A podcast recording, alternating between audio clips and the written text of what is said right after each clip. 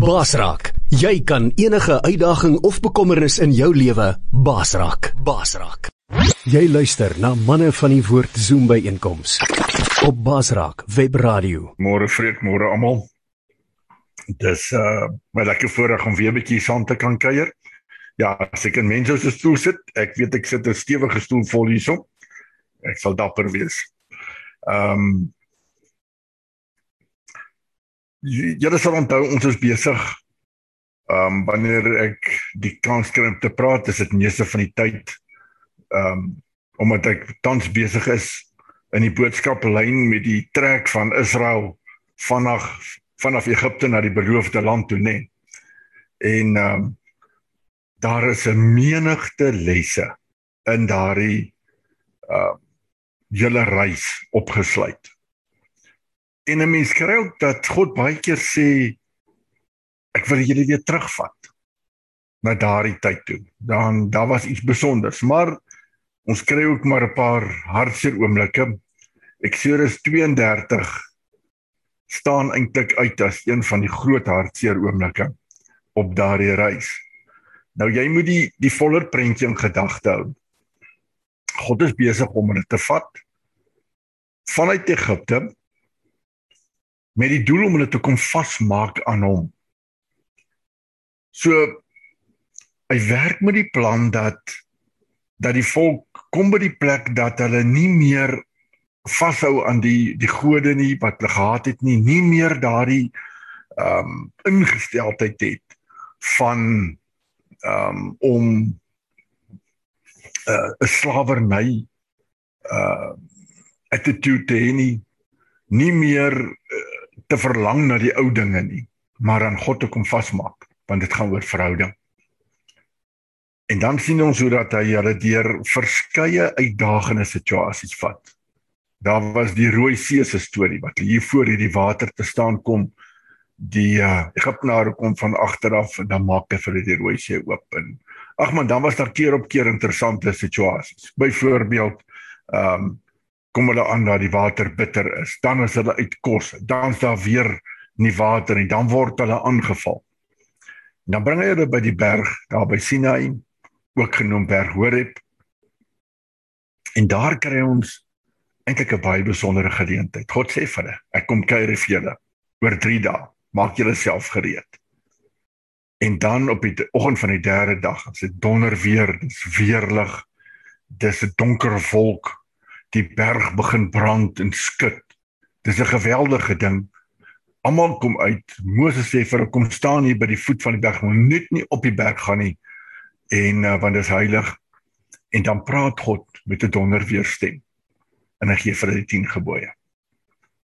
En as 'n ou as 'n mens verstaan wat is hier besig om te gebeur. Hier is 'n bruidegom besig om vir sy bruid te sê: "My geliefde, hier's die terme van ons vasmaak in mekaar.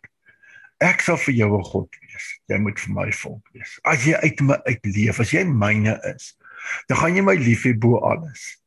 En julle gaan mekaar lief hê soos julleself. Hy is besig om hierdie hartse ding te kommunikeer met hulle. Die volk sê dan hierdie is 'n bietjie sterk, dit is te rof.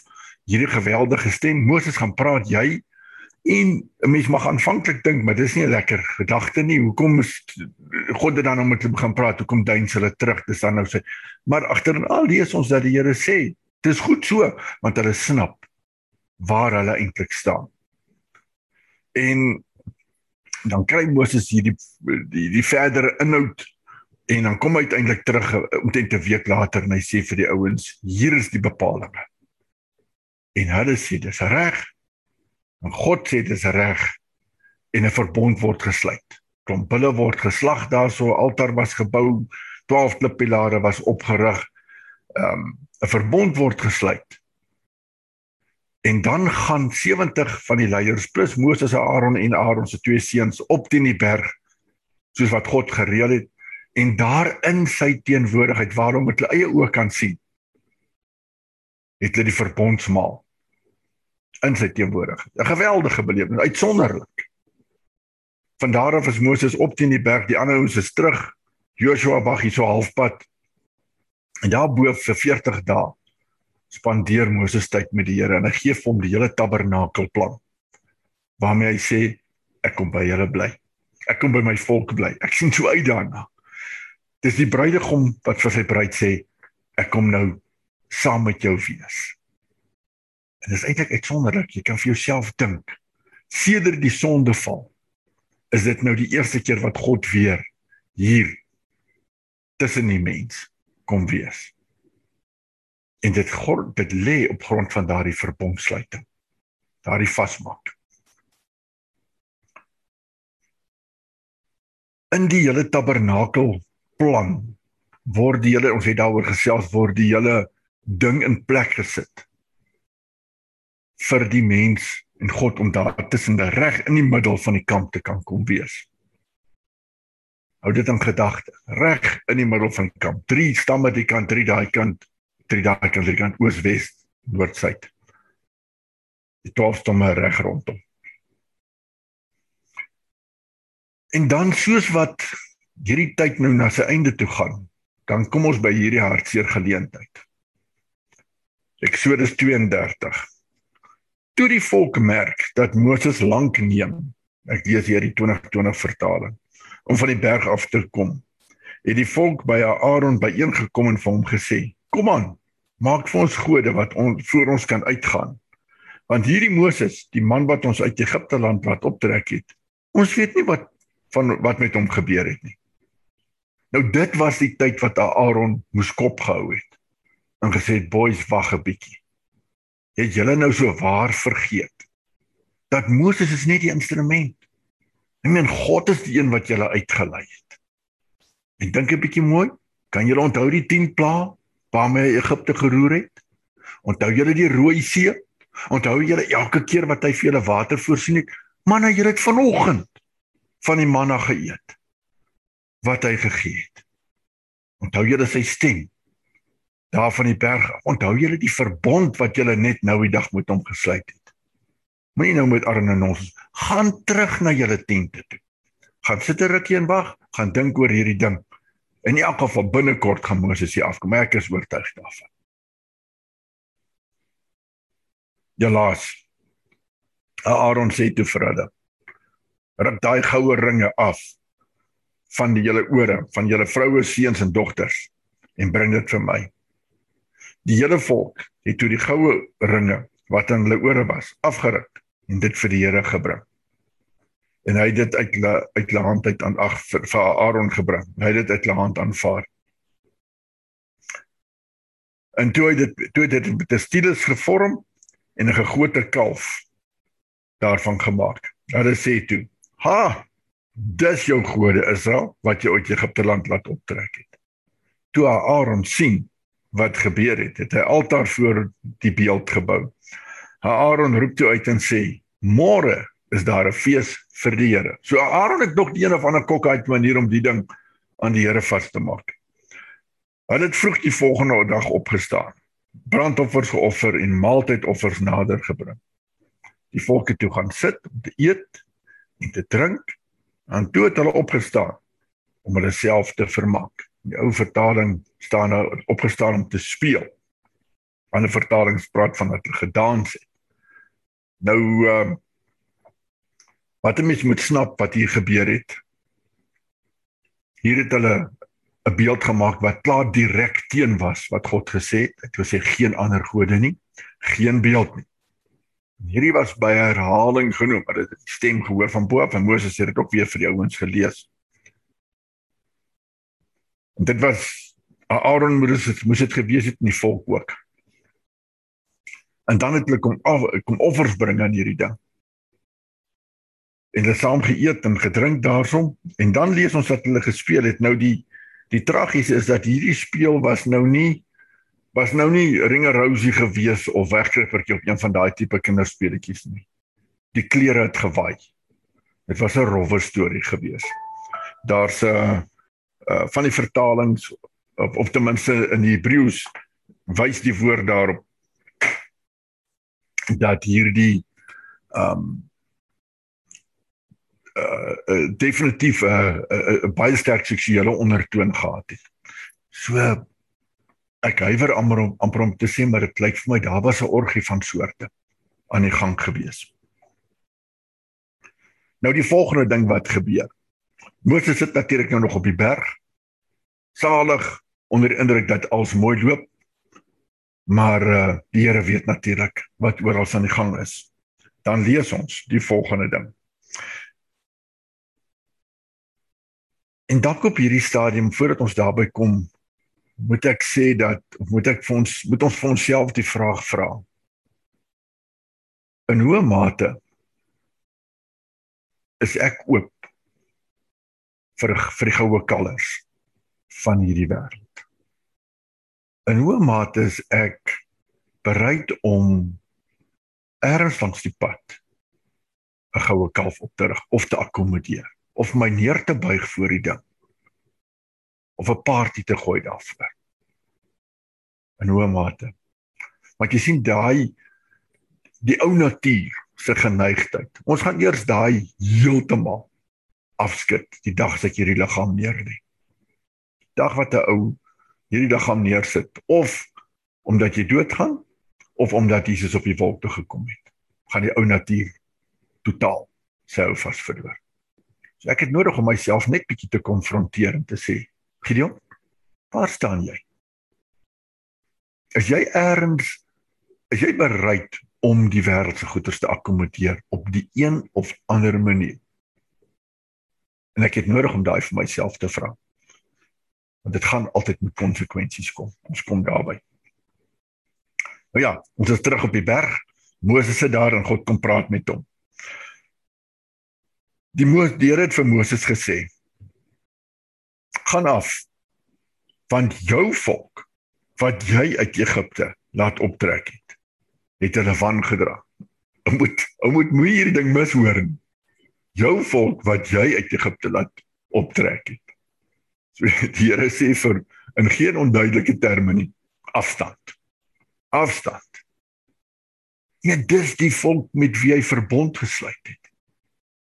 Ek sê jy's myne, jy's my volk, ek is joune. Wees getrou aan my, stap die pad. Ek sal vir jou onderneem, ek sal vir jou sorg, gaan vir jou na die beloofde land toe vat. Ek sal vir jou, jy sal genoeg hê om te eet en drink. Jy sal geseënd wees. Ek gaan die siektes van julle weg, al die goed. En hierson skaars 40 dae nadat die verbond gesluit is. Wat kry ons? En dan sê God afstand. Ek moet besef sonde bring afstand tussen my en die Here.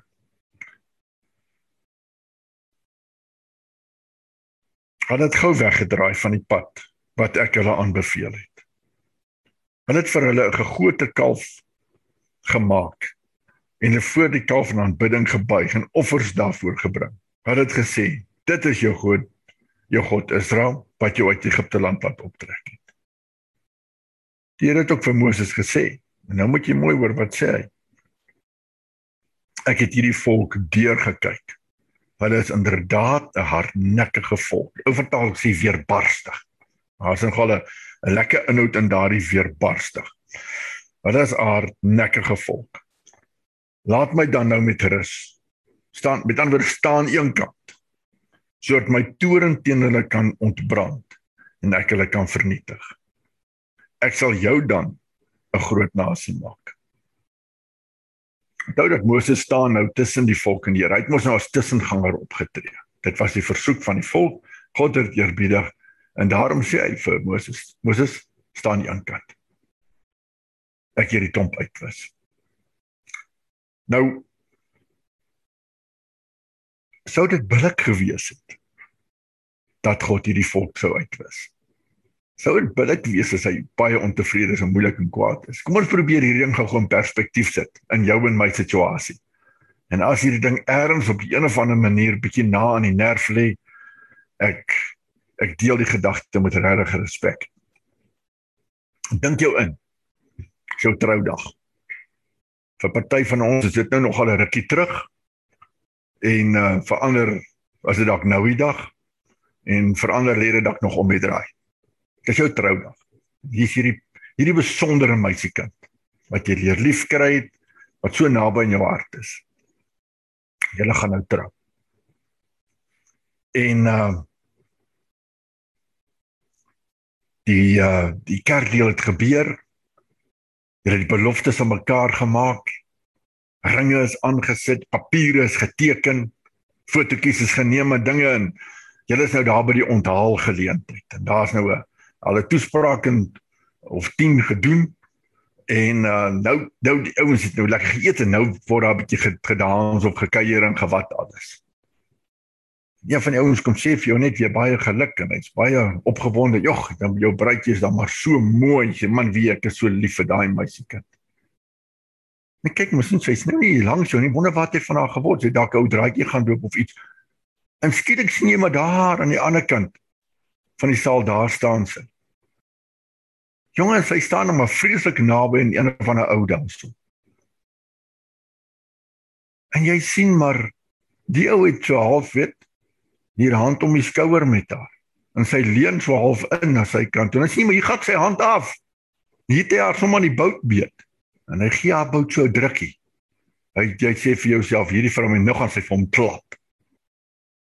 Maar jy sien sy hom. Nou nou nie 'n piksoentjie nie. Sommer 'n warm soen en jy jy voel maar wow. hier hier seker nou 'n grap wat gemaak word. Jy ou seker nou weer jy kyk waar jy op pel, hulle seker besig om jou streep te trek. Hierdie kan nie die waarheid wees nie. Jy sê maar dit lyk nie of jy nog iemand geplaas nie. En dit lyk ook nie asof hulle eers nou vir jou kyk of hulle nou wat is jou reaksie of jy nou dink hierdie is 'n ding nie. Jy besef met eens maar hierdie kan dalk die waarheid wees.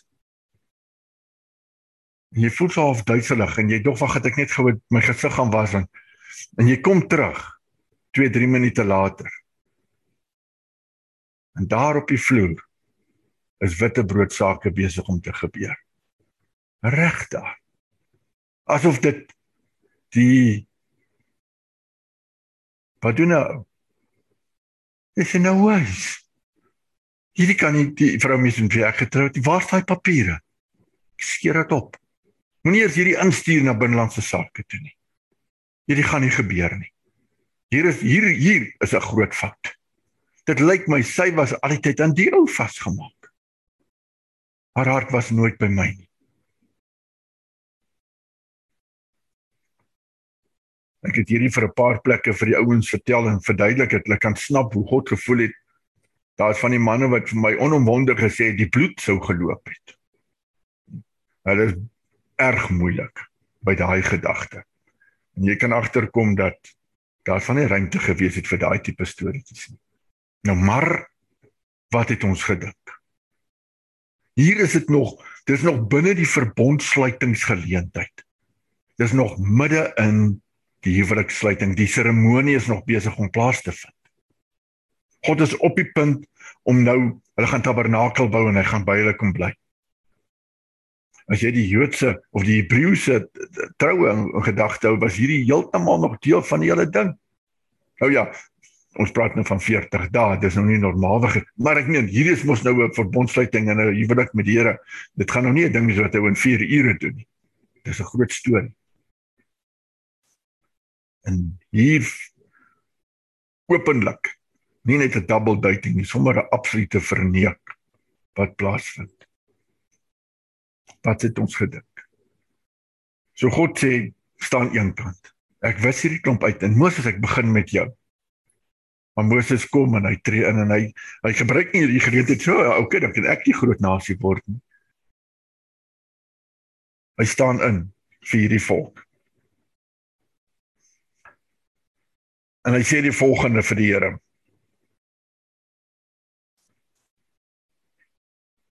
Waarom Here moet u toren brand teen u volk. sien die werke om weer terug, né? Teen u volk wat u uit Egipte land gelei het met groot krag en 'n sterk hand. Waarom sou die Egiptenare sien? Met 'n sou sou hulle kon sê, met 'n bose plan het hy hulle uitgelei om hulle in die berge om die lewe te bring en van die aardbodem uit te delg laat vaar die brandende toren en kry tog spyt oor die onheil teen die volk. Dink aan Abraham, Isak en Israel. Interessant, hy gebruik die naam Israel hierso, nê?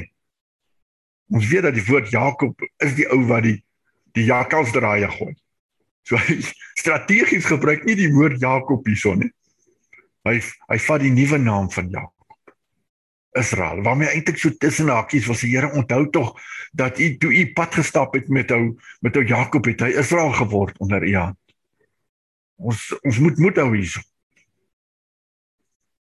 U diensnegte vir wie u by u self gesweer het en vir hulle gesê het ek sal julle nageslag so baie laat word soos die sterre in die hemelruim en hierdie hele land vir altyd te vir as erfdeel laat ontvang. Die Here het dus jammer gewees oor die onheil wat hy gesê het dat hy die volk sou aandoen. 3 dae. Hy sê Here, dit kan tog nie wees dat U met 'n sterk hand hierdie klomp uit Egipte land uitgelei het. Hulle verlos het net om hulle om te bring. Rescue to destroy. Vader, dit kan tog nie wees nie. En dan sê hy maar en wat gaan die vyand sê? Want hulle gaan mos nou nie weet van hierdie hele verneek storie nie. Hierdie cheating wat nou daar plaas plaas gevind het nie. Hulle gaan net sê, "Ja, lekker plannetjie wat hy gehad het." Aan die ander kant in die berge het hulle uitgewis. Ons kon dit maar vir hom gedoen het. En in elk geval het 'n belofte gemaak, by u self gesweer. So hy kom tree in. En dan het die Here afgesien van daai planne en sê goed. Ek sal dit nie doen nie. Weereens. Kom ons besef. Dit kom met dit kom met 'n uh, teen 'n geweldige prys. As ek 'n verbond met die Here so ligtelik gaan opneem. Die Here het het met sy bloed kom hierdie verbond onderteken tussen my en hom. Moenie dit ligtelik vat nie. Moenie dit ligtelik vat nie. En ek het nodig om myself te ondersoek en te vra, het het ek so cheating hart in my? Dat ek bereid is ek is weer terug by daardie van die goue kalvers. Maar nou kyk ek nie na die goue kalvers, nou kyk ek na my eie hart. So aan die een kant die versoekinge van die wêreld, maar aan die ander kant wat gaan in my eie hart aan? Is het my harte bereidheid, 'n ingesteldheid om God te verklaar, om die verbond sommer goedkoop te vat wat ons het. En aan die ander kant hoor ons hoe dat daar ingetree word. Daar's daar die krag daarvan om in te tree. Ons het almal mense vir wie ons bid. Familie, vriende, bure, ouens wat jy ken vir wie jy staan voor voor God. Moenie ophou nie. Kyk net, een ou het vir 'n volk ingetree. En die Here het sy gebed gehoor. Wat interessant is, is dat hierdie ehm um, hierdie intree waar hy voor die volk kom staan het alhoewel dit dit een mens was wat ingetree het vir 'n volk, kom hy met baie spesifieke argumente. En hy sê, Here, hierdie saak en daai saak en hierdie ene. Ek wil u herinner daaraan. So hy kom en hy hy kom noem dinge voor God. As ons dan nou verder aangaan. Ah, ek dink ek moet dalk net eers vir ons hierso lees Romeine 10. Waar die Here gesê het as jy met jou met jou mond hart glo met jou mond bely. Hierdie toe loop saam. Kom ons maak nie dieselfde fout as wat Israel gemaak het en ek dink hulle hart was net nie so vasgemaak nie. Hulle het met die mond bely en gesê Here, ons soek hierdie verbond. Maar dalk was die hart nie lekker in plek. Was daar hierdie hierdie um bereidheid of die openheid om die Here om te verkry daai tyd. En dan as ons spring na Lukas 9 toe, dan sien ons hoe dat Jesus sê. Iemand het vir die Here gesê, ek sal u volg waar u ook al gaan. Toe sê Jesus vir hom, jakkal sê dit gaan in voëls het neste, maar die seun van die mens het nie eens 'n rusplek vir sy kop nie. Maar ander het gesê volg my. Maar hy het hom toe geantwoord: "Here, laat my toe om eers terug te gaan en my pa te begrawe." Toe sê Jesus vir hom: "Laat die dooies hulle eie dooies begrawe, maar gaan verkondig jy die koninkryk van God." Nog een het gesê: "Ek sal u volg, Here, maar laat my toe om eers my familie by die huis te gaan groet." Toe sê Jesus: "Iemand wat die hand aan die ploeg slaan en aanhou omkyk na wat agter is, is nie geskik vir die koninkryk van God nie." Jy moet snap wat die Here hierso sê. Hy sê: "Wil jy saam met my stap?" laat ek dan vir jou die belangrikste wees. Wil jy 'n verbond wees met my? Maak my jou absolute alles want ek is ek is die groot ek is. Daar is niks wat vergelyk nie. Moenie dat hierdie wêreld en sy dinge vir jou 'n prioriteit wees nie. Ons weet daarmee dat hier nie bedoel om om uh uh te sê man ek het nie 'n saak met jou verliese van familie en dinge die hier was 'n beginsel deurgegee. Hy sê gaan tel, gaan bereken die koste. Gaan bereken die koste wat dit is om saam met my te stap. En maak klaar met die dinge van hierdie wêreld.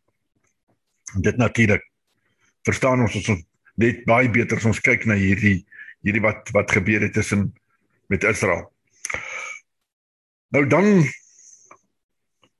gaan ons aan met hierdie verhaal wat gebeur verder? Ons spring na Deuteronomium 9 toe. Onthou in Deuteronomium is Moses nou besig om hierdie ding weer vir die volk te vertel. Dis mos nou nadat hulle by die beloofde land aangekom het. Uiteindelik 'n hele 'n hele entjie verder af in die storielyn. En die ouens toe nou nie kans gesien om in te gaan nie. Ons ons ken almal daai ding. En toe het God vir hulle sê, "Maar dan sit nou maar reg so." 40 jaar in die woestyn. Sodat julle sal sterf in die woestyn en julle kinders sal eendag hierdie beloofde land ingaan. En as ons dan gaan kyk in Deuteronomium 9 of in Deuteronomium, dan kry ons hoe dat Moses dan nou weer vir hierdie kinders van van die na, die nageslag hierdie hele storie weer mooi deurstap. Hy vertel vir hulle wat gebeur het, hy gee vir hulle weer die wet en uh, hy vertel vir hulle hoe hierdie ding homself uitgespeel het en word hierdie lyne weer vasgemaak met die Here. So nou nou kom nou sien ons hoe dat hy vir hulle sê. Julle moenie dink dat julle so danig 'n besonder lot is nie. Julle moet onthou wat gebeur het daar in die woestyn. En dan praat hy met hulle asof dit hulle self is wat droog gemaak het. Want onthou nou dis nou Israel as 'n as 'n eenheid met wie hy praat. Alhoewel dit nou hulle hulle pa se maas wat vir die groot droogmaak aangejaag het. Daarso met die beloof met met die uh, goue kalf.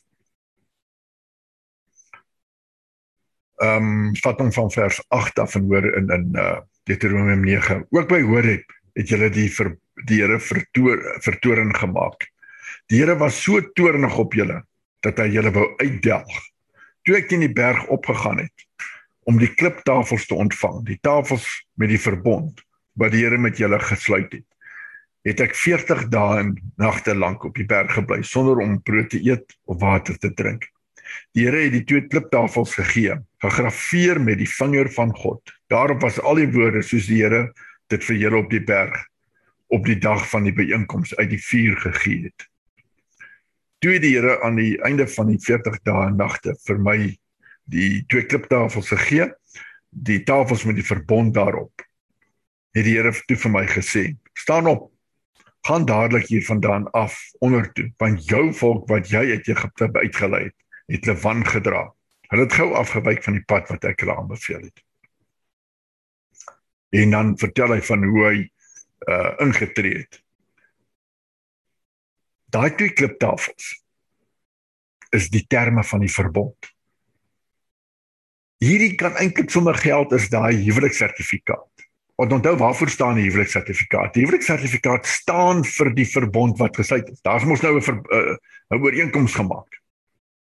Die predikant sê mos nou, beloof jy om hierdie een te vat as jou wettige man en vrou deur dik en dun, maak nie saak wat nie. En dan sê die een ja en die ander een sê ja. En dan word die verbond gesluit en die ringe word aangesit. Daai is 'n wettige verbond. Dan word daar 'n papier geteken. Die inhoud van daai teken sê dit wat in die verbond van. So alhoewel die hele storie nou nie daar op daai papiertjie staan is dit presies wat dit impliseer.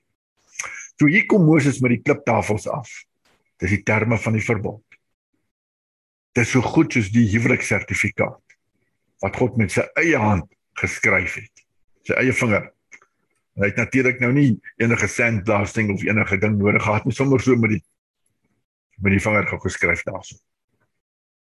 Wat ek's God.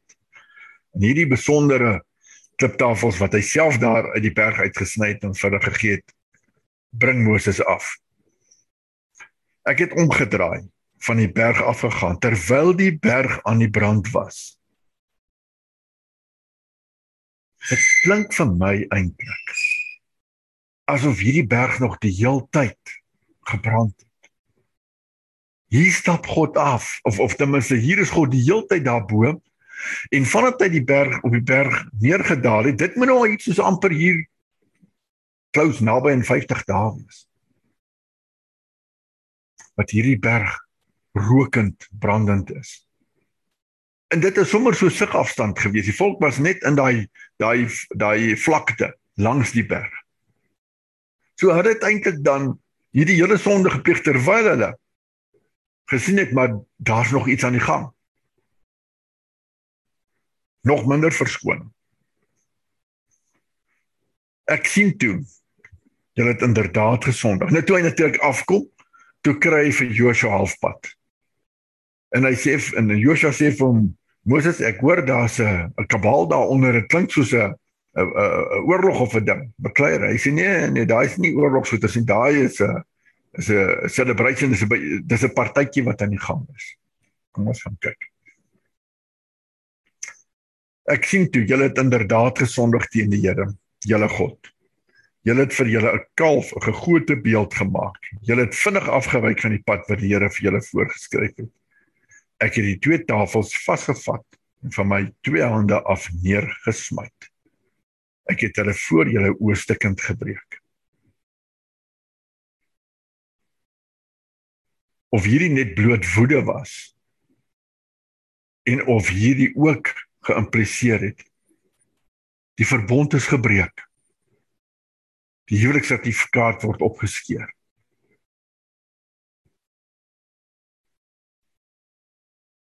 Dis niks werd nie. Julle het dit klaar, julle het klaar hierdie gebreek. En of Moses net daai klik neergooi, neergegooi het omdat hy gesê het dis daarmee heen.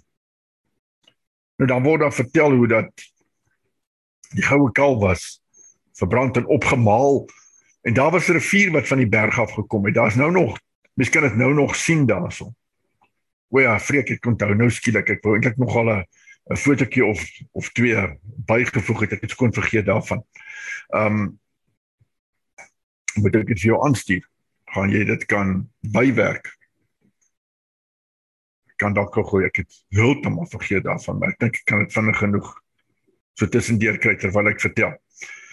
En ehm um, die uh um,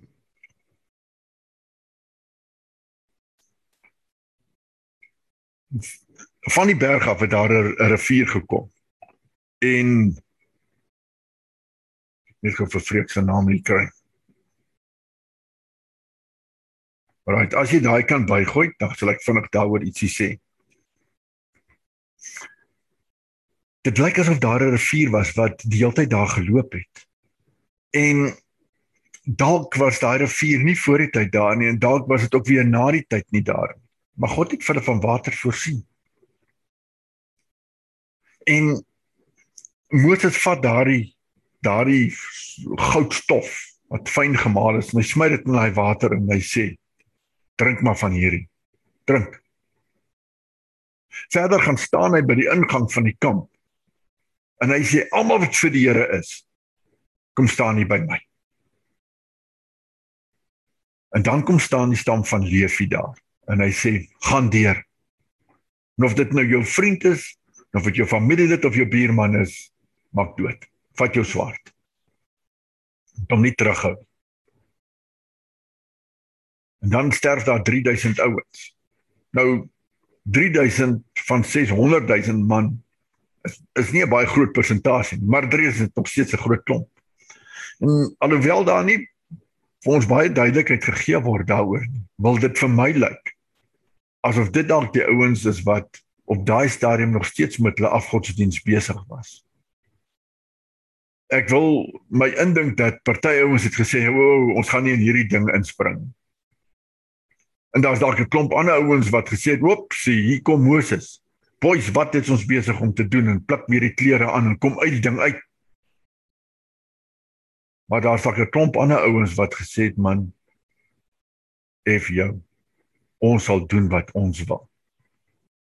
Dis dalk die ouens wat nog die die instigators was vir die ding in die gang gesit het. Ek weet nie. Maar hulle boet met hulle lewens. 3000 ouens sterf.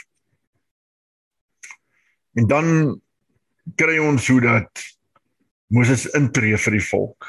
Hy bid vir Aaron. Hy sê daar ek moes vir Aaron bid want God wil hom doodmaak.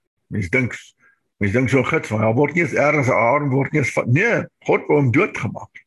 Gaan kyk in Deuteronomium Deuteronomium 9. Moses moes vir hom intree uit ingetree vir die volk. Hy sê Here Ek kan my naam uithaal uit die boek van die lewe. Moenie hierdie volk se name uithaal. Dan sê God vir hom nee, Jou naam sal bly waar hy is. Die ouens wat gesondig het, hulle name sal uitgehaal word.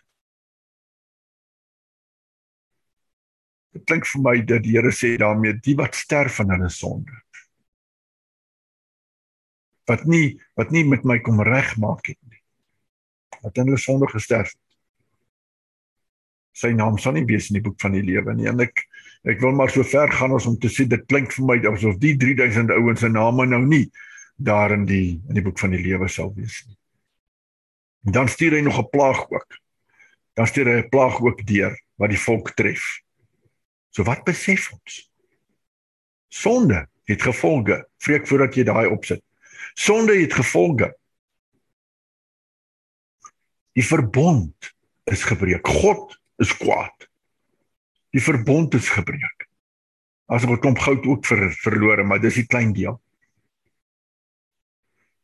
Daar was lewensverlies. 'n Plaag het die ouens getref. En dan die ergste name is uit die boek van die lewe. Dis die ergste. Jou naam nie as as ek en jy die dag staan met die met die groot dag van dat, ons voor God staan en hy sê vir jou maar jou naam is in die boek van die lewe. Kan jy nie sê bly nog bietjie aan en moet daar iewers wees nie?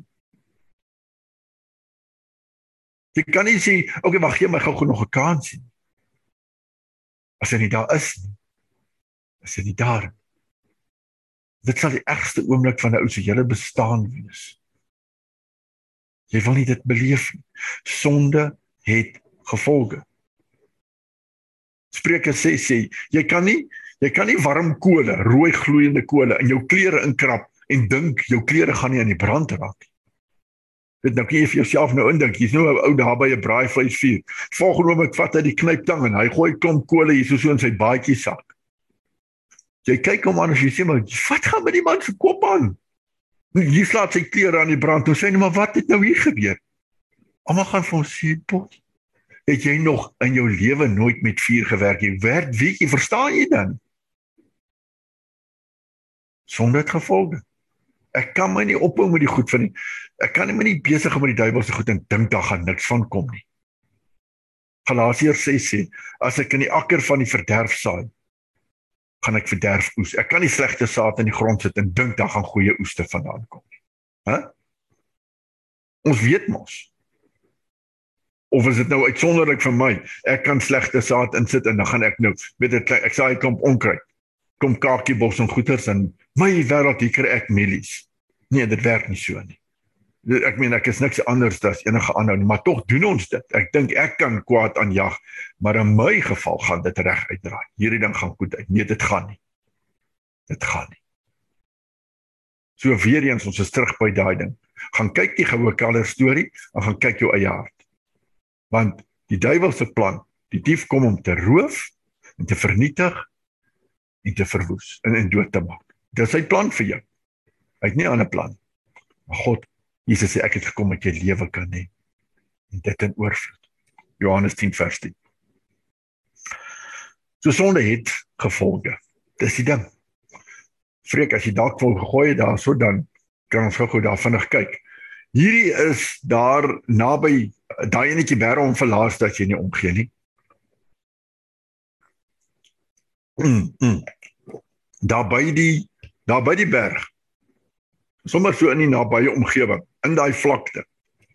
As ek reg is, is dit so in die middel van die vlakte. Kry jy hierdie oop klippe. Nou Saudi-Arabië het hierdie gaan toespan die regering en gesê dis 'n argeologiese gebied. Nou as jy nou so toe gaan, jy het nou toestemming gekry om daar te kan ingaan, dan sê dit vir jou oop.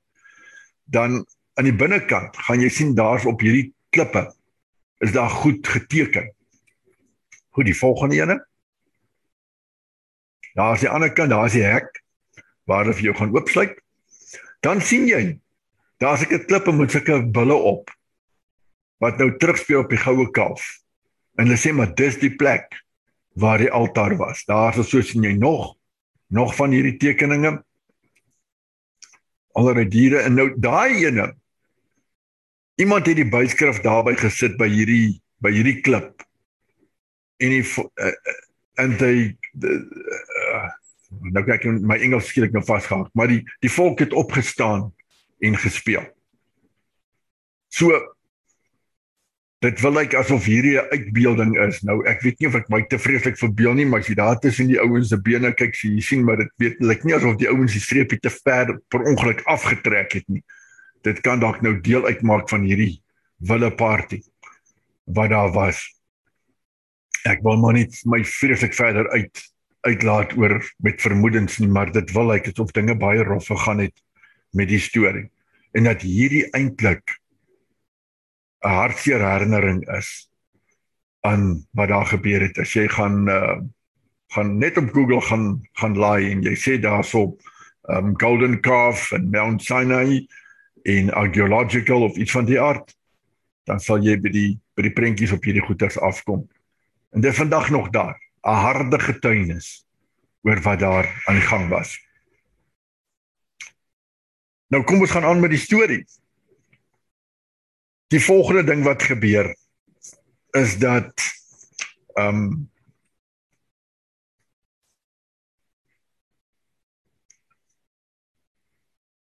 die ding het mos nou daar's mos nou 'n Engelse aftermath. Daar mos nou iets na die tyd gebeur. Dis mos nou met enige ding so as daar 'n aardbewing was, dan is dit 'n rowwe storie ten tye van. En ouens vlug uit en jy red wat jy kan en wie jy kan. En dan die volgende dag dan is al dan's hierdie hele prentjie om jou. Wat nou verder? Nou moet daar weer herstel plaasvind. Dan moet nou 'n pad vorentoe gestap word. Die die die die oomblik het daar gebeur wat nou verder en dan kom ons daarby En dit daarvoor draai blaai ons na Eksodus 33. Nou moet jy gaan hoor wat sê die Here. Hy begin met hy praat nou met Moses. Gaan trek hiervandaan af op jy en die volk wat jy uit Egipte laat optrek het na die land wat ek met eed beloof het aan Abraham, Isak en Jakob. So die Here is steeds by daai ding van jy en die volk wat jy uitgetrek het. Hy praat nog nie van my volkie son nie. Hy's nog steeds daar. Kom ons dink onsself weer terug aan daai prentjie van die man wat nou getroud geraak het met hierdie meisiekind en daar daardie groot slegte ding nou met die huwelik gebeur daai die groot verkil daar reg voor sy oë. Wat gaan hy sê? Gaan hy sê my vroutjie? Nee. Sê daardie vrou met wie ek met met met wie ek getroud daardie vrou en dan moet jy snap wat hier gebeur God se bedoeling was dat in die volgende tye sou hulle daar by die berg gebly het en die tabernakel sou gebou geword het die ark van die verbond sou gemaak geword het die goue um, kandelaar se gemaak geword het. Die bronse altaar en waskom en al daardie dinge. So hulle het dit gemaak het. En dan sou hulle daar midde in in die middel van die van die van die kamp die tabernakel opgerig het. Hier word nou niks gepraat van tabernakel bou nie. Hier word niks gepraat van die inhoud van die tabernakel, die verbondsark of niks. Dat jy wegwees. Trek. Jy en hierdie volk moet maar van hier af aan verder gaan. En dan sê die Here ek sal my verbond hou wat ek met Abraham, Isak en Jakob. Nou gebruik hy nie die woord Israel soos wat Moses gebruik het nie. Hy gebruik die woord Jakob. Die ou met die jakkalsdraai. Wat ek met 'n eed beloof het. Dan sê hy vir hulle, ek sal 'n engel vooruitstuur. En ek sal daai klomp, die Kanaaniete, Amorite, Hetiete, Ferisite en al daardie lot. Ek sal hulle verdryf. Trek op. Israel na 'n land wat oorloop van melk en honing. Ek sal egter nie in jou midde optrek nie. Ek trek nie saam met jou nie. Wat? Ek trek nie saam nie. So die Here sê, ek gaan my verbond hou. Ek sal doen wat ek gesê het. Ek trek nie saam nie. Ek bly hier. Dis amper asof asof die die bruidegom vir hierdie bruidjie sê, "Dis oukei. Ek gee vir jou wat ek jou beloof het. Daarso gaan jy, jy kan gaan bly daarso. Ek gee vir jou die huis. Dit wat ek in gedagte gehad het vir jou, daar's dit. Jy kan gaan ek sal my kant bring. Maar weet jy wat? Ek gaan nie saam met jou nie. Jy gaan maar alleen daar bly.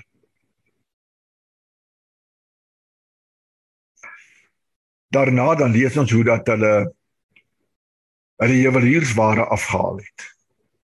Want die Here het vir hulle gesê, "Haal af al daai goed." Totdat ek besluit het wat ek met julle gaan doen.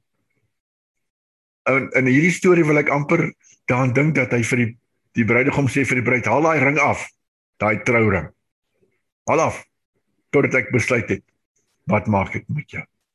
Moenie daai verbondsring dra. Nou dis nie heeltemal waarvoor die juweliersware gestaan het nie. Maar so in in die storie wil ek sommer net so my gedagtes dink. En daarna het hulle ook nie weer enige juweliersware gedra nie van die berg af verder. Hulle daar afgehaal dan lees ons en hierdie is die stukkie wat my begin opgewonde maak. Vers 4: Toe die toe die volk hierdie woord van onheil hoor, het hulle getreur. Hulle was hartseer. Ek sien ietsie het begin gebeur in hulle harte. Hulle het begin besef, maar wat het ons aangejaag? Wat het ons gedoen? Die God wat ons gebring het tot hier. Wat het ons gedoen? Die gevolge tot hulle begin deurdruk. En dan sien ons daarvan niemand het aan het het, het uh, juweliersware gedra nie. Dan in vers 7 sien ons hoe dat Moses 'n tent van ontmoeting buitekant die laar gaan oprig het. Onthou die bedoeling was dit God midde in. En dit lyk vir my Moses sê toe Here ek verstaan dat u nie hier midde in nie maar ek het ek het gehoor van hierdie hierdie tent wat jy wil opslaan so en hy gaan slaan op buitekant die laar op. En enige ou wat met God wil gaan praat en leiding en dinge vra, kan daar gaan. Dis amper asof die Here sê maar ek ek ek kom nie hier by tussen hierdie volke nie. Maar ek is bereid om daai een kant met wie ook al met my wil kom praat. En dan sien ons dat by tye het Moses uitgegaan om met God te gaan praat en dan het die hele volk opgestaan by hulle ingang, die ingang van hulle tente. En dan het Moses ingegaan na daardie tent van ontmoeting en wanneer hy ingegaan het, dan het die wolkkolom onthou dat die wolkkolom het vanat God uitgetrek het met hulle uit Egipte uit. Was daar hierdie wolkkolom wat oor hulle was, bedags en snags was dit 'n vuurkolom. Dan het hierdie wolkkolom eenkant geskuif tot bo kan die die tent afgeneergedaal na die ingang toe. En daar het Moses dan met God gepraat van aangesig tot aangesig soos 'n soos met 'n man met sy vriend. Ja, dit moes uitsonderlik gewees het.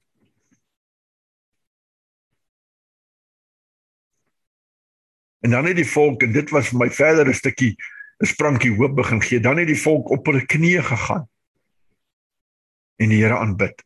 Solank as wat Moses daar was. Het hom aanbid. So jy kan agterkom ietsie was besig om te gebeur. Dan wanneer Moses klaar was en hy teruggegaan, dan sien ons dat Joshua het agtergebly daar in die tent. Dan lees ons vers 12.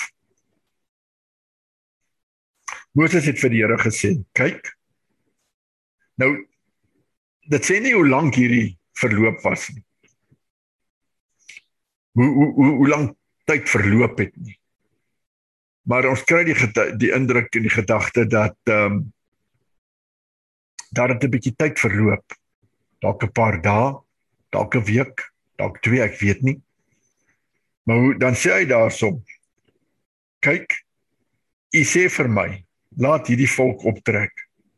Maar self maak jy dit nie aan my bekend wie met my sal jy sal met my sal stuur nie. U is die een wat gesê het ek ken jou by die naam. En jy het ook guns gevind in my oë. Dan dan sit dan stretch Moses die ding. En hy sê, daar vers 13, as ek dan nou genade in u oë gevind het, maak my dan tog u weer bekend dat ek u kan ken en guns in u oë kan vind. En bedink tog dat hierdie nasie u volk is. Hy sê, Here, as u my ken by die naam, is ons hierdie intieme verhouding het. En as u sê dat ek guns in u oë gevind het,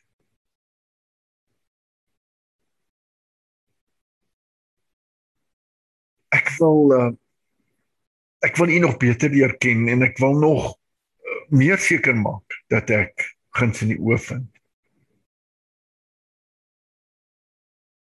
En onthou tog dan hak dit die, die volk in dat hierdie nasie u volk is. Dan staan hy in en hy sê Here onthou tog dat hierdie nasie volk is. En daarmee wys ek dink juis Moses 'n ding wat so besonder is. 'n intrehart. Hy sit homself as waar op die spel. En sê Here, onthou tog. Haak die volk by hom in. Hy sê Here, maar ek vir dit vir my besonder die verhouding wat ek met U het. Dit is vir my besonder dat dat U vir my sê dat U my ken nou tog hierdie klop, dis ook iets in dit. En dan sê die Here vir hom, "Wil jy ek myself saamkom?" Is reg, ek sal. Ek self sal vir julle op hierdie pad vat. Dan maak Moses hierdie besondere verklaring. Hy sê, "Here, as U nie self saam met ons gaan nie, dan wil ons nie van hier af optrek nie. Dan bly ons eerder maar net hier." vers 15. As u nie self meegaan nie, laat ons dan nie hier vandaan optrek nie. Dis amper asof hy sê dan moet ons liewer net hier bly waar u is. Maar ons ons sal eerder hier in die woestyn bly waar u is as om na die beloofde land toe te gaan sonder u. Dink jy, dink vir jouself en as God vir jou sê, hoorie man, ek sal vir jou miljoene gee en groot karre baie karre in 'n groot huis en alles. Net wat jy soek, maar hou in gedagte ek gaan nie saam met jou nie. As jy nou 'n welvaartsingesteldheid het, dan sê ja, dankie Here, nee, dit kan werk vir my. Moses sê nee. Snap jy nie? As jy nie vir God het nie, dat jy niks. Dan sê die Here dis reg, ek sal saamgaan. Ek self sal vir julle die pad wys. Daarna dan het dan vra Moses vir die vergunning om God te kan sien en sê die Here vir hom Moses jy sê baie wat jy nou vra jy besef nie wat jy vra nie. Niemand kan my aangesou en maar ek sal myself wys en wie ek wil. En ek kan die laaste paar minute sommer net vinnig 'n opsomming gee van 'n gedagte of twee. En ek dink dat dat omdat Moses hierdie hart van intree gehad het en hy eintlik daarmee ietsie begin wys van wat wat op die ou end ons in 'n skade weer wys van wat ons in Jesus hart kry. 'n Bereidheid om ons sonde, om in eenheid te kom staan met ons, om ons te kom inhak by hom. En te kom intree. Vir ons aan hom te kom vat te sê ek vat julle saam met my. Kom maak julle een met my op hierdie pad. En uh dis dalk hoekom Moses so besondere posisie voor die Here gehad het, dat hy guns geniet het. Omdat hy homself tweede gestel het, gesê Here, moenie moenie my 'n groot volk maak nie. Red hierdie. Haal haal maar my naam uit die boek van die lewe uit. Jy hoor daai ding. So kom ons hier jy, jy sien hier is twee totaal verskillende pole. Aan die een kant 'n hart wat bereid is om te verkil wat die goue kalvers aanhang en 'n hart wat bereid is om te sê ek is bereid om myself te gee. En hierdie hart is wat ons by ons koning Jesus kry. Wat homself kom gee vir ons. Vir een gaan dit oor selfsugtige begeertes. Wat kry ek uit die dinge? Ek wil hê 'n ander een is 'n gee hart. Wat sê ek is bereid te kom instaan. En ek dink dis hoekom Moses so 'n besondere posisie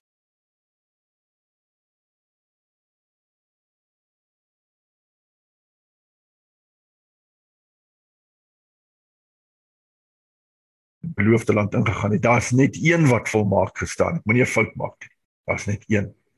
Dis hoekom ons Jesus ook gesê het hier by een vir die mense gesê hier staan een voor julle wat baie groter is as Moses. Hierdie is die seun van God. Dis die een aan wie ek en jy vasmaak. So in hierdie hele storie van die goue kalf kry ons 'n klompie baie interessante gedagtes. By hart gaan kyk. Aan die ander kant word ons geroep daartoe om te sê kom ons gaan staan voor God met 'n hart wat aan hom kom vasmaak. Sê Here, dit is die verbond wat U met ons kom sluit het. U is my bruidegom. Ek is U bruid. En net soos wat ek en jy eendag of toe ons bruid na ons toe gekom as jy nog gaan trou. Dat daai meisiekind wat in daai paadjie opgestap kom moenie daar opgestap kom en besig wees om te kyk maar watter ou vlems is nou hierso. Of gepla wees met hoe lyk die blommetjies en brand die kersse. Of sê o, ek ryk daar gaan nou lekker kuiertjie na die tyd. O, ryk hoe lekker braai daai hoendertjie nie. Al wat in haar gedagtes is, daar's my bruidegom. Hy wag vir my. Hou oor op jou. Sy het nie saak met wie is daar, wie het gekom en wie het nie gekom nie. Sy het nie saak met hoe dit lyk. Haar oë is net op een. Ja natuurlik die ander goedjies moet daar wees. En sy kom nie in daai paadjie af met 'n vervlenterde rok nie, sy lyk op haar beste skoon. Sy het nie sy het nie gou voor die tyd in die tuin gaan grom en kom daar met 'n klomp fyn vuil naels en goed as aan. Sy het nie haar rok is nie stikkend geskeur en bemors en ehm um, omdat sy roekeloos was. Nee. Sy lyk op haar beste vir jou. Dis die begeerte van haar en dis wat die Here vir ons sê. Hy sê vir ons ek is op pad. Die bruidegom kom. Bruid, was jou skoon in die bloed van die lam. En dat dit wat ons doen daardie sal wees wat uit hom uitgedoen is. Want ons het 'n verbond met hom. En kom ons kom tree in. Verander met hierdie hartgesindheid van die koning wat vir ons intree. So 'n hartseer verhaal. Eksodus 32. Maar daar is so 'n kosbare lesse. Dit herinner ons maar net weer dat selfs as ek goed droog maak, God sê ek kan jou kom haal waar jy is. Ek kan jou weer kom herstel. In die verhaal in die gedeeltes wat daarna volg, dat die verbond weer gesluit. Dalk praat ons ander dag daaroor dan word hierdie verbond weer vasgesluit. Ja, die Here is genadig. Hy is so genadig. Kom ons bid daaroor. Ag Here, hier staan ons. As ongelukkig maar 'n goeie klompie van van Israel en ons almal. Jakob. Klomp Jakob geit.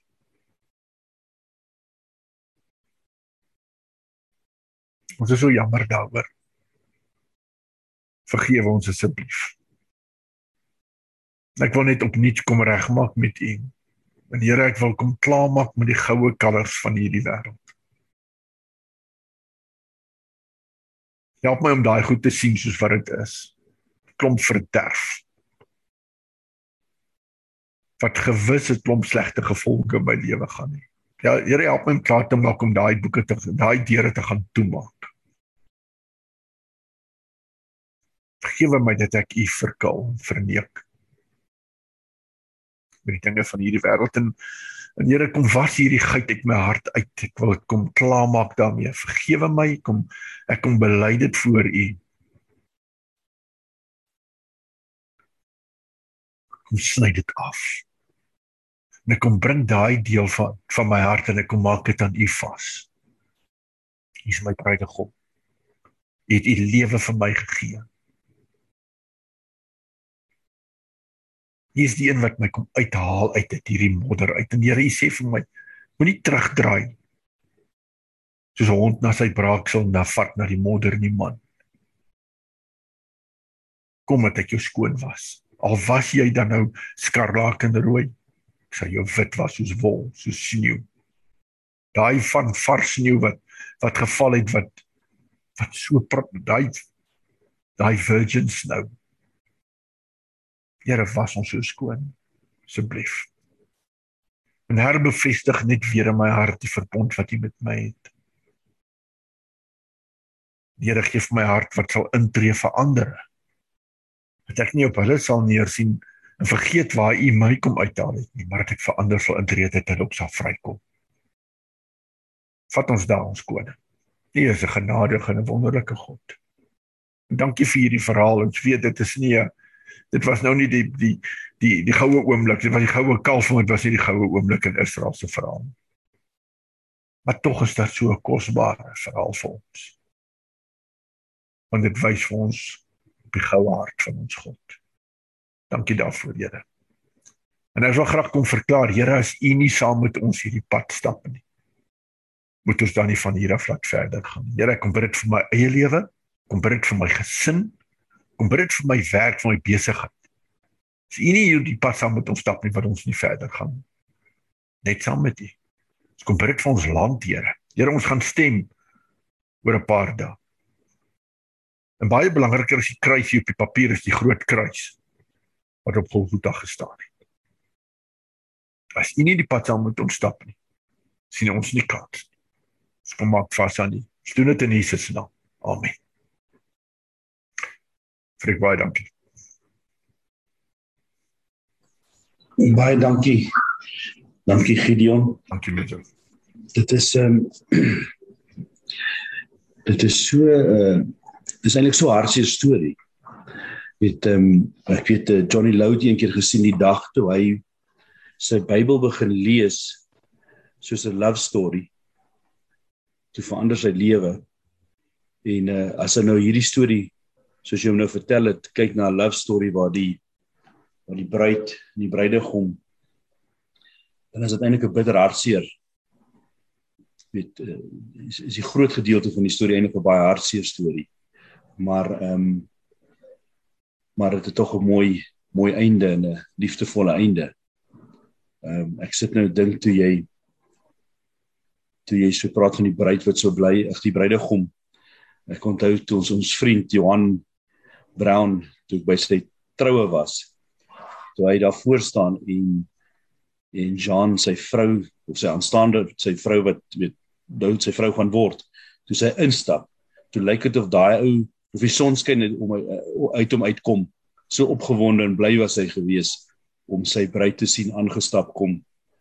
En ons uh, ons was uh, nou die dag by 'n by 'n troue gewees en uh die die neefie van my is 'n ou wat eintlik nooit emosies wys nie. Hy lyk eintlik meeste van die tyd redelik kwaad, maar hy het nie ou wat emosies wys nie. Toe sy bruid aangestap kom, toe breek hy uit in snot en trane. Hy huil dat hy ruk soos 'n soos 'n soos 'n bus wat se timing uit is.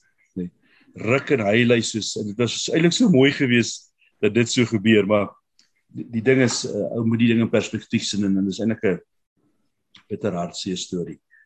Ehm um, maar baie dankie. Jy het dit baie mooi in perspektief gesit. Ehm um, eintlik 'n baie moeilike storie. Eintlik 'n ongemaklike onderwerp. Want ons het almal ja. daai almal het een of ander vorm van daai goue kalf in in in in sy lewe.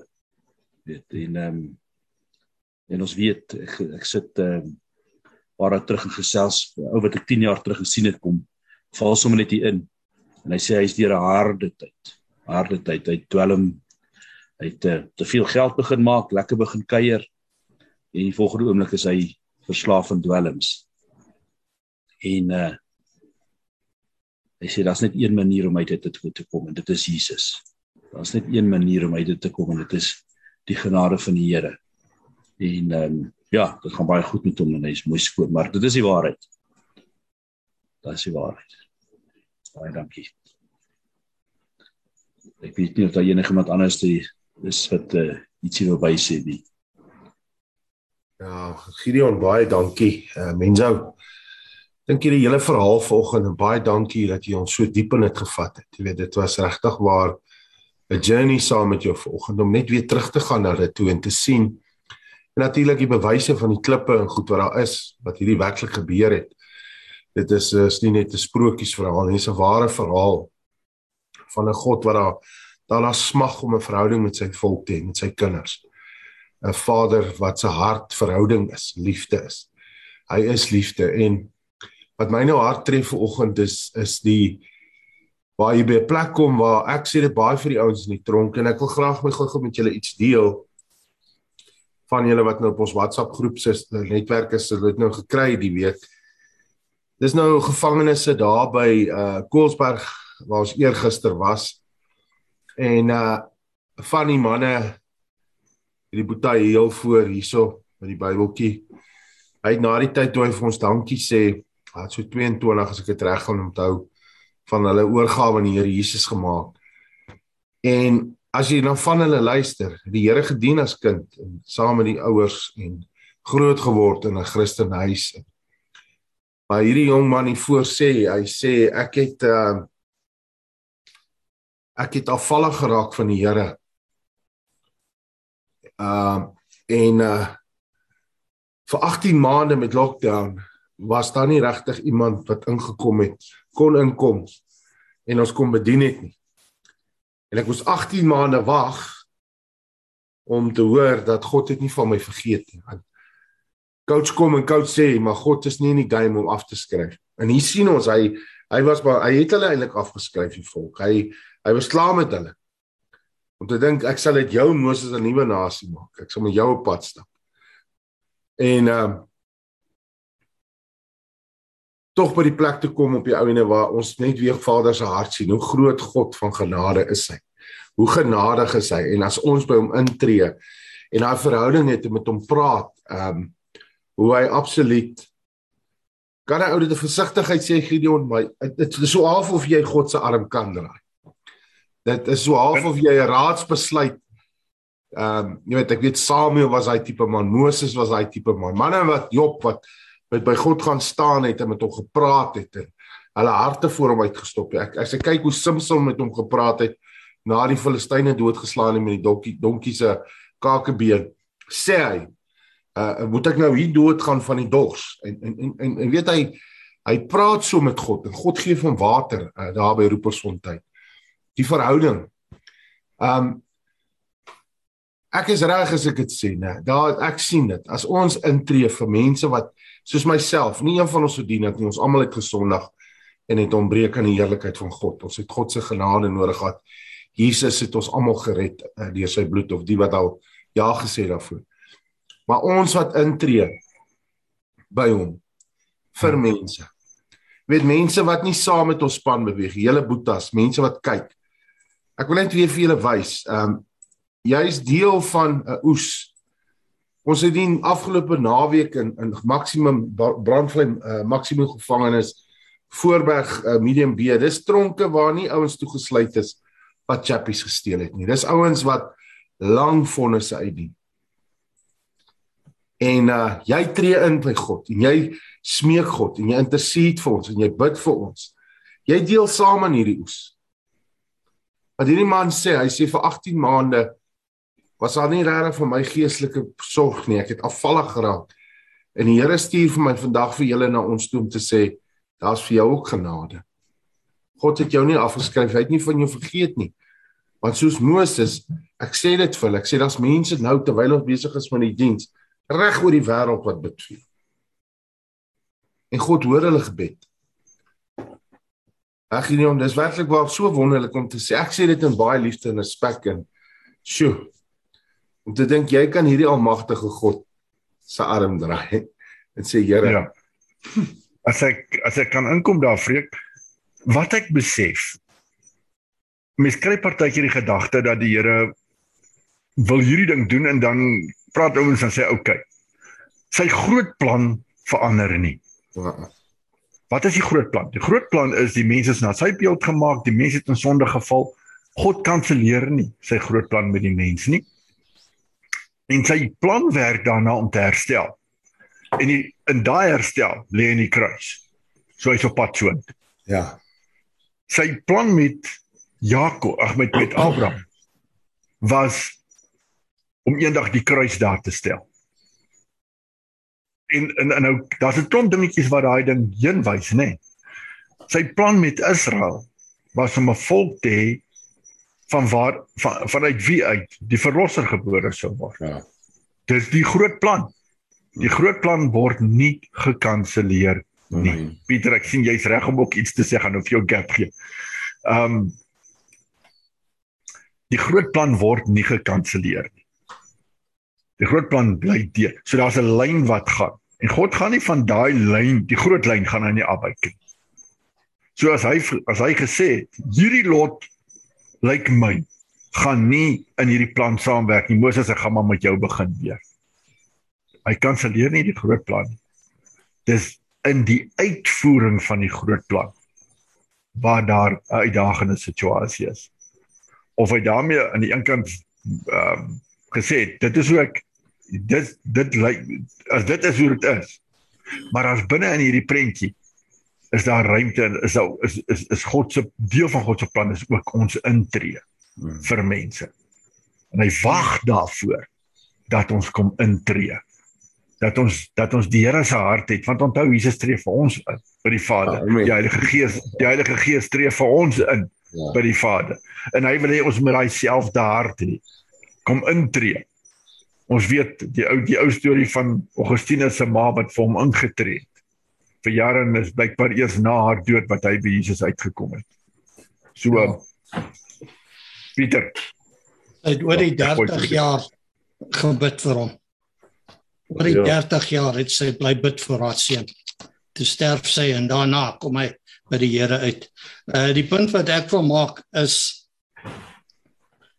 jy weet die default setting van my hart is om te hoereer teen God.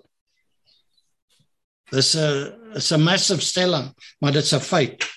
En dit is ons default setting. Ons val outomaties terug op hoe reer teen God. Daar is nie einde aan die evil in my hart. En uh soos jy gesê het, daai ou, daai ou Piet gaan saam met my wees tot aan die einde toe toe ek Jesus sien. Maar waarvan jy praat ver oggend herinner my aan uh oud nou die dag gepreek oor Hosea. Uh daar was Israel ook uh gehoreer teen God. Dit het so goed gegaan met hulle. Uh na na uh dit het so goed gegaan met hulle dat hulle van God vergeet het en teruggeval het op uh, Baal worship en al die dinge van die wêreld. En uh En God het vir Hosea gesê hy moet met 'n prostituut Gomer gaan trou. Oh. En uh en hy moes haar nooit ophou lief hê nie en hy moes die duurste prys gaan betaal om haar terug te koop uit slawerny uit. En julle kan die storie ook gaan lees, maar alpunt wat ek wil maak. Die naam Hosea beteken salvation. Mhm. Mm help. Mm. En die naam Gomer wat staan vir die prostituut die hoererende ou Piet. Ah, die ou Piet ja. Ja. Die die naam Gomer beteken to complete. Wow. God uses my adulterous heart to complete his plan of salvation for my life. Hy hou my na aan hom. Hy jy weet as as ek 'n sagte ge, uh, gewete het, as ek my gewete net sag hou. Keep short records with God. Wanneer ek val, bely ek dit, staan op, stof jouself af, klim weer in die fight. Jy Amen. weet. Nou nie daar in die in die vallei gaan sit en treur nie. Jy weet, get on with it. And so but to keep short record met die Here oor my sondes.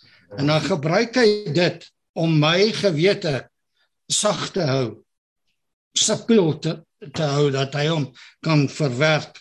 Want elke keer die Bybel sê dat vuur kom uit die mond van God uit. Hmm.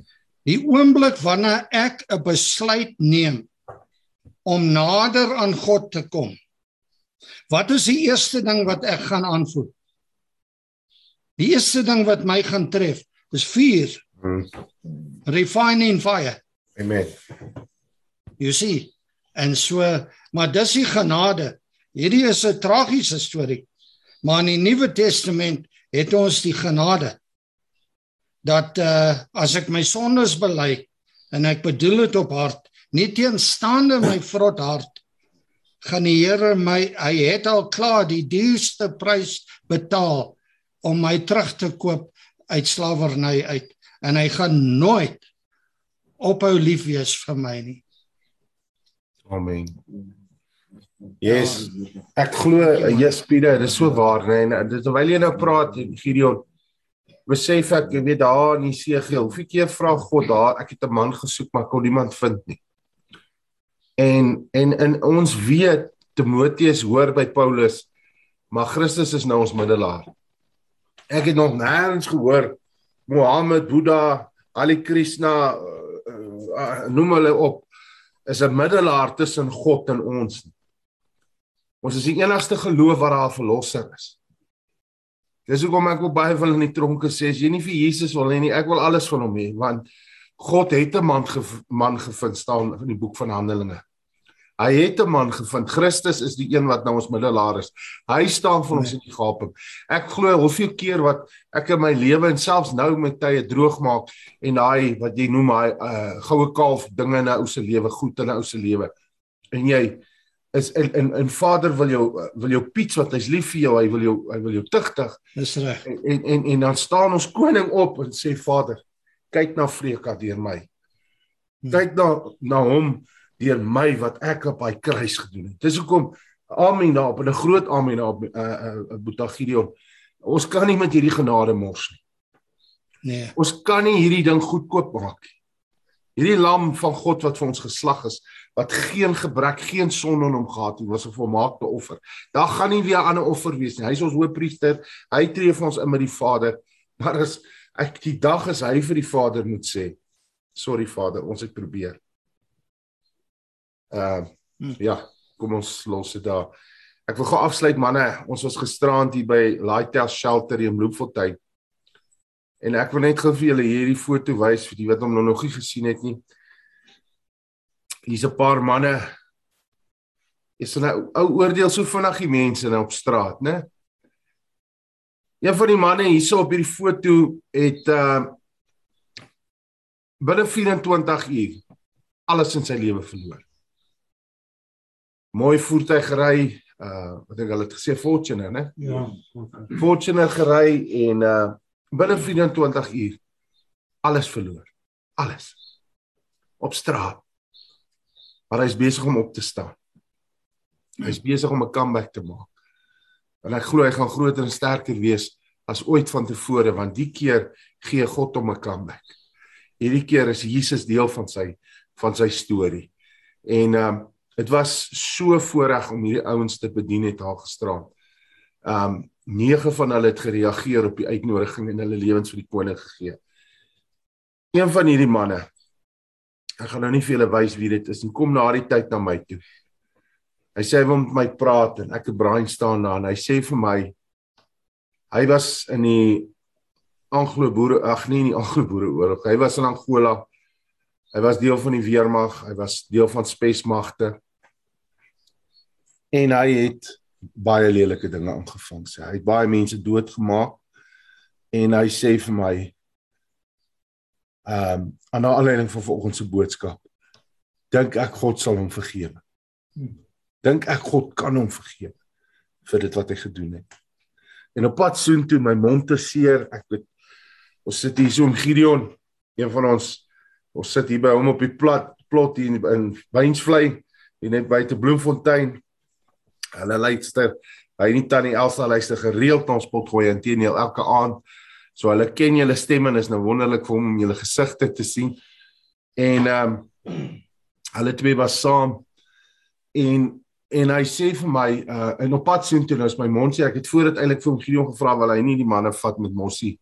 Dat my mond te seer die tand se gat in my mond en ek is seer en alles pyn en nou pad sien toe sê ek ook vir die manne ek gaan net daar een kant sit wat so kan aanstap en ek hoor en ek sien dit en ek voel so tuis tussen hierdie ouens wat wat nie wil gejudge word nie. Hulle hulle is klaar rock bottom. En op pad so toe dink ek, ja, hoe is dit dat ek in die weermag was, ek was in die polisie, waar het ek nou nog aan die ander kant van die gereg was? En weet jy, ek sê dit baie vir mense in die gevangenis en oral en ek wil dit vanoggend ook sê, your misery becomes your ministry. Alles, God waste niks nie. Hy waste niks nie. Hy gooi niks weg nie. Hy gebruik alles tot sy eer. En op pad soontoe besef ek ek het goed in my lewe deurgegaan. Ek moes daardeur gaan wat was opleiding vir my. Maasman Rou het gesê, ek sê vir die manne gisterand, Maasman Rou het gesê die duiwel is eintlik net ons gym instructor. Hy het ons net getrein vir dit wat God uh, in gedagte vir ons beplan het. En ehm uh, weet om, om om te weet ek was self in die weermag, self in die polisie en ou het dinge gebeur en baie van dit was het jy 'n bevel gehad gesê jou gegee om dit te doen en jy moes dit doen. Om my man vas te vat en vir hom te sê ja, die Here het jou vergewe. As jy vanaand dit bely het. Maar my volgende antwoord aan hom was vergewe jouself. Want dis nou waar die monster is. Jy kan nou nie jy jy weet nie, jy sien nie hoe ver het God jou sonde van jou weggevat nie. Woord sê so ver as die ooste van die weste. Maar die Here sê hy het jou vergewe en hy dink nie meer daaraan nie. Moenie jy nou die hele tyd daaraan dink en hoe vashou na aan. Spreek daai vry wat jy gesê het om dit te gaan doen. Vergewe hulle. Jy want hy sê vir my, dit was oorlog en ek sê, maar God weet dit. Maar God se genade is ook vir jou genoeg. Jesus het ook vir jou aan die kruis gaan hang. Al was dit nou kinders of was dit wat God se genade is jou genoeg. Ja, hy sal jou vergewe. En hy het jou vergewe as jy opreg daarmee na hom toe gaan het en bely het. So ja, Boetas, ehm um, hier gebeur weer baie baie spesiale goed op hierdie sendingsreis. Dit is 'n baie intieme reis, is 'n baie en en en en, en na die tyd ook weet toe die Boeta wat die plek ran vir ons dankie sê, ek weet en saam ons saam in sy kantoor bid. Te hoor die manne, die manne vat houe jong. Dit dit dit die aanslag teen die teen die uh, kinders van die Here is geweldig. Geweldig. En Piede 'n woord van jou van daai burn-out, daai uitbrand. Ou sien dit, ou sien dit en en om te sien jy kom by mense en dit wat die Here daar doen en dit steek hulle weer aan die brand. Soos uh, Blackie se boodskap verlede week, jog, dis om vir ons oral waar ons bedien. Hoeveel petrol is aan jou tank? Hoeveel petrol is aan jou tank? Hoe ver kan jy nog ry? Ehm um, en uh ja, hoeveel data is op jou foon? So ek weet nie hoeveel data is nog op hierdie nee ding wat ons nou hier gebruik nie. Ek dink dit gaan nou nou begin uithardloop. Ek was bekommerd toe ek sien uh, Gideon begin so vries, toe dink ek o, hy gaan nou uitskop. So boys baie dankie. Ek weet nie of een van julle nog iets wil sê nie, maar die Here seën. Dit was wonderlik om julle gesigte te sien. Hoopelik wens ou so 2, 3 weke van nou af, want sien ons julle daar daarbo. Ons is nou hier. Dis hy, dis hy. Kyk kyk kyk hy hy kyk hierdie kragkas. Hy het geoefen sê hy. Samuel die Hallo Samuel. Ja, môre môre. So. Dit was snaaks om jou nie vanoggend op die Zoom te sien nie. Ja. Maar jy Ja, daar nee. langs langs se vreek te sien, dis awesome. Maar ek wil sê die Ek, ek het nou die dag vir vir een van die manne gesê. Dis nie elke dag wat 'n man so laat slaap nie. So maak maak maar bietjie ge, gebruik om bietjie so laat te slaap. ja. Jy moet Ja, want dit sal my eers die eerste keer wees in 'n lang tyd. Ja. Hoor jy maar hierdie klein die mannetjie is is dinamiet in 'n klein pakkie hoor. Nee, Bob. As hy mic vat in 'n tronk of wat dan dan werk die Here. Ja, prys God. Mooi. Yes, en dit hoor gisterand Mooi. wil ek vir die manne sê soos hy en uh, Braai en die manne wat ook in die veld geslaap het. Ook in die strate geslaap het, ook in asblikke gegrou het, maar die Here die Here het hulle opgetel. Maar die Ja, ons dien 'n groot God. Weereens baie dankie Gideon, was 'n awesome boodskap. Die Here seën julle. Yes. Mooi dag. Baie julle. Mooi week. Blessings. Elke dag verder. Hallo aan al ons Baasrak vriende. Ek het vir julle goeie nuus. Jy kan nou enige tyd, enige plek na ons Baasrak programme luister. Deur dit gratis te gaan aflaai op ons Baasrak potgooi webblad. Al wat jy moet doen is om die Baasrak webblad te besoek by www.baasrak.tv.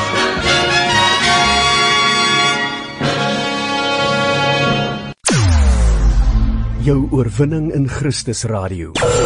Basraak Web Radio.